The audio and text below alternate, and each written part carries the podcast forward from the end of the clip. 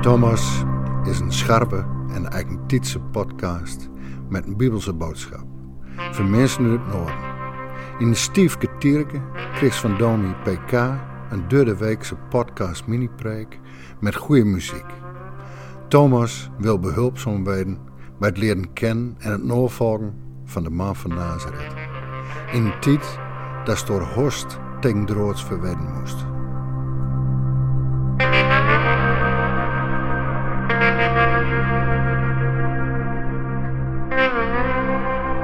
Heb jij dat ook al eens? Dat je een film, serie of sportwedstrijd aan het kijken bent en dat je al vrij snel door hebt hoe het af gaat lopen? Dat aan het einde van de serie alles weer goed komt tussen de twee hoofdrolspelers. Of dat de superheld, detective, soldaat of hobbit uiteindelijk alles weer oplost, de wereld redt en het kwaad verslaat. Of dat je na twee rondjes op het circuit alweer aanvoelt dat Mercedes weer gaat winnen. En herken je dan ook dat een film, wedstrijd, boek of serie eigenlijk een stuk spannender wordt als er ineens iets onverwachts gebeurt? Dat de tranen je in de ogen springen als de hoofdrolspeler ineens overlijdt. Dat de underdog onverwacht wint en het een keer niet eind goed al goed is. En lijken dat soort films, series, boeken eigenlijk ook niet veel meer op jou en mijn leven, waarin dingen bijna nooit gaan zoals je ze had voorgesteld? In deze podcast sta je stil bij een onverwachte wending in het verhaal van God met mensen. Het is een belangrijk kantelpunt in de geschiedenis, maar de dingen lopen anders dan verwacht. De koning in het verhaal brengt namelijk niet de gehoopte, gewenste verandering. En dat riep toen voor vandaag herkenbare vragen op. Als Jezus echt koning is, waarom zie je daar dan zo weinig van? In deze podcast hoor je hoe Jezus reageert op deze vraag en krijg je van hem iets mee om daarmee om te gaan. thema bij deze podcast is: Is dit alles?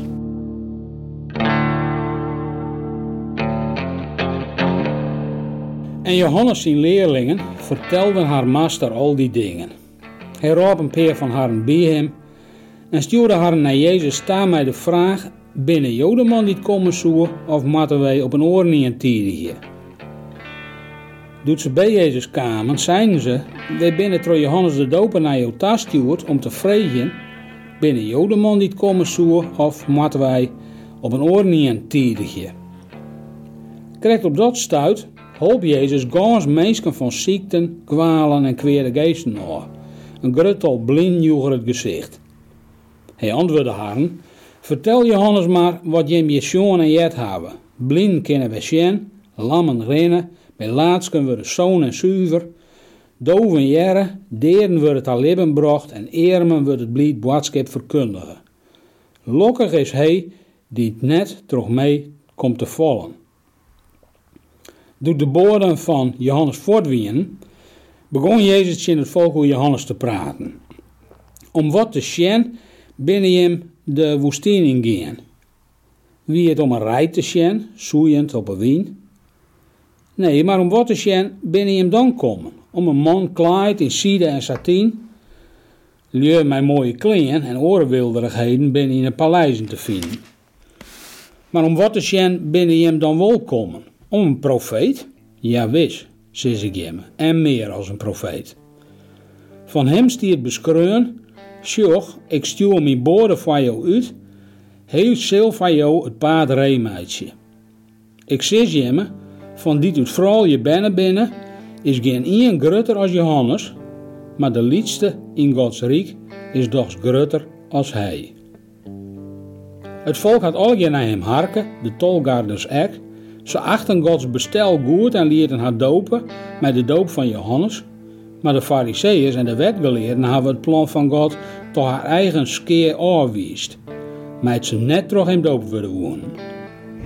Waar moet ik de meesten van nou mij vergelijken? Om waar binnen ze gelijk? Het is mij harden als mij de band die op het merkplein zitten te boatjen.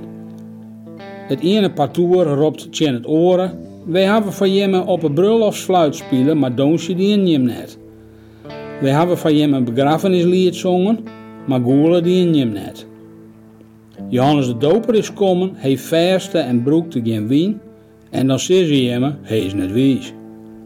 De mensenzoon is komen, hij eet en drinkt wol, En dan zeggen ze hem, een fretter is het, een soeper, een vriend van tolgarders en zoenders. Maar de wijsheid van God kreeg het gelijk van elk die het haar begeert. Lucas 7 schakel je in op een moment dat het tijd is om de balans op te maken. Jezus heeft een groep leerlingen om zich heen verzameld, de kern van zijn boodschap duidelijk gemaakt en met zijn wonderen en daden laten zien waar hij voor staat. Maar wie is hij nu eigenlijk? Is hij die beloofde Messias en koning, of is hij het niet? En het is die vraag die Johannes de Doper vanuit de gevangenis via zijn leerlingen publiekelijk aan Jezus stelt.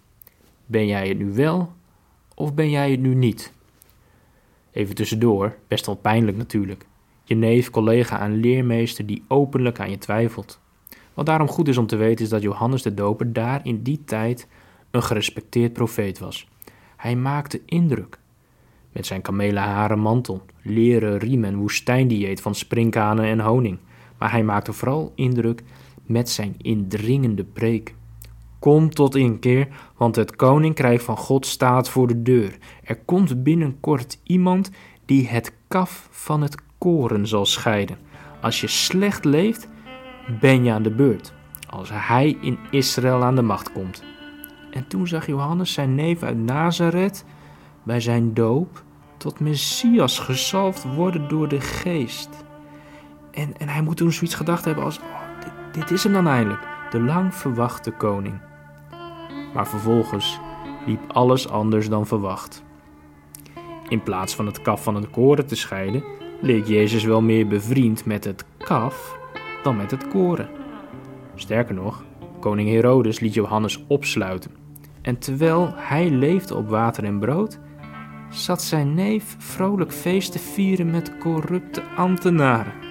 Van die medogeloze gasten, die niet wakker liggen van een toeslagenaffaire meer of minder. Oké, de preken van Jezus lagen in het verlengde van zijn boodschap, maar hun manier van leven was onvergelijkbaar. Zeg Jezus, wordt het niet eens tijd dat je orde op zaken stelt? Jij bent toch die lang verwachte koning van vrede en recht? Zou je die corrupte ambtenaren niet eens opsluiten?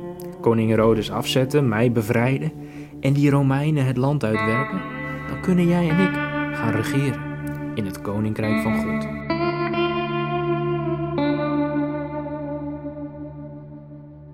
Ik weet niet hoe het jou vergaat, maar ik ben inmiddels wel nieuwsgierig naar de reactie van Jezus.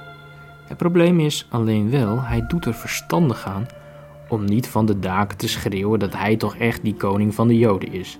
Doet hij dat wel, dan kan hij morgen zelf zijn neef even bijpraten in de gevangenis. Jezus geeft daarom een antwoord in codetaal. Codetaal die herinnert aan de profeet Jezaja. Het is een hint om te leren zien hoe hij, niet als een botte rechter, maar als een leidende dienaar van Jezaja te werk gaat. Zijn herstelwerkzaamheden door genezing en vergeving zijn in volle gang en werken door in alle lagen van de samenleving. En zo nodigt Jezus Johannes en iedereen die naar hem luistert uit om zelf de juiste conclusie te trekken.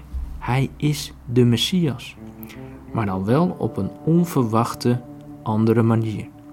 Hij scheidt het kaf van het koren door vergeving en herstel.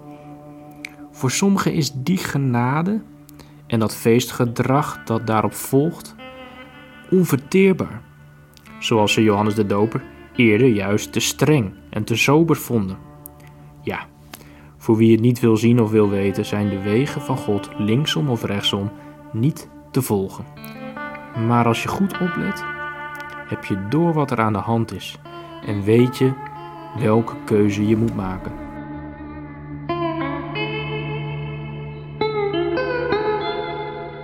En let dan goed op wat Jezus zegt in vers 23. Gelukkig ben je wanneer je je niet aan mij ergert of teleurgesteld bent in hoe ik koning wil zijn. Alsof Jezus wel aanvoelt dat hij niet aan alle verwachtingen voldoet. Een hele geruststelling dat iemand als Johannes die twijfel kan hebben en tegelijk dat Jezus dat ook begrijpt. Als jij en ik in ons leven en in de wereld om ons heen kijken, kan die vraag ook opkomen. Is dit alles? Is dit hoe Jezus koning wil zijn? Hoort daar mijn pijn, teleurstelling en tegenslag en die van een ander ook bij? Luister dan naar het antwoord van Jezus. Gelukkig ben je, wanneer je mij toch vertrouwt, geen aanstoot aan mij neemt en mij als koning blijft aanbidden.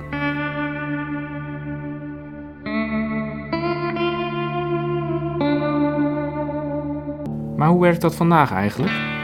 Waarom is er soms, of vaak zo weinig, te merken van de beloofde vrede van Koning Jezus?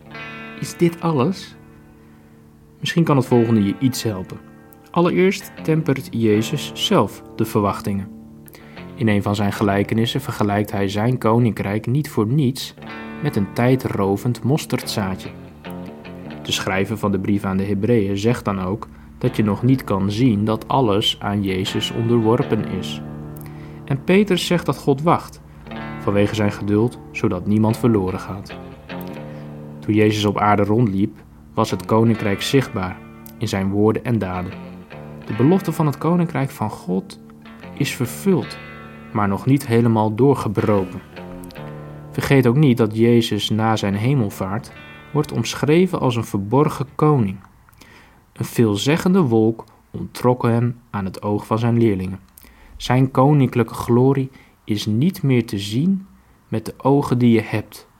Je moet met hulp van de geest leren kijken met andere ogen. De geest is de opvolger van Jezus op aarde, maar geen plaatsvervanger. Sterker nog, hij laat je de afwezigheid van zijn voorganger pijnlijk voelen, zodat je meer naar hem gaat verlangen. En toch is de onzichtbaarheid van Koning Jezus goed nieuws. Het sluit beter aan bij je ervaring van de gebroken werkelijkheid, maar het betekent ook dat hij onaantastbaar is. Een koep, afzettingsprocedure of bestorming van zijn paleis is simpelweg niet mogelijk. Een dikke helaas voor de klootzakken van deze wereld. Hij zit echt voor eeuwig op de troon.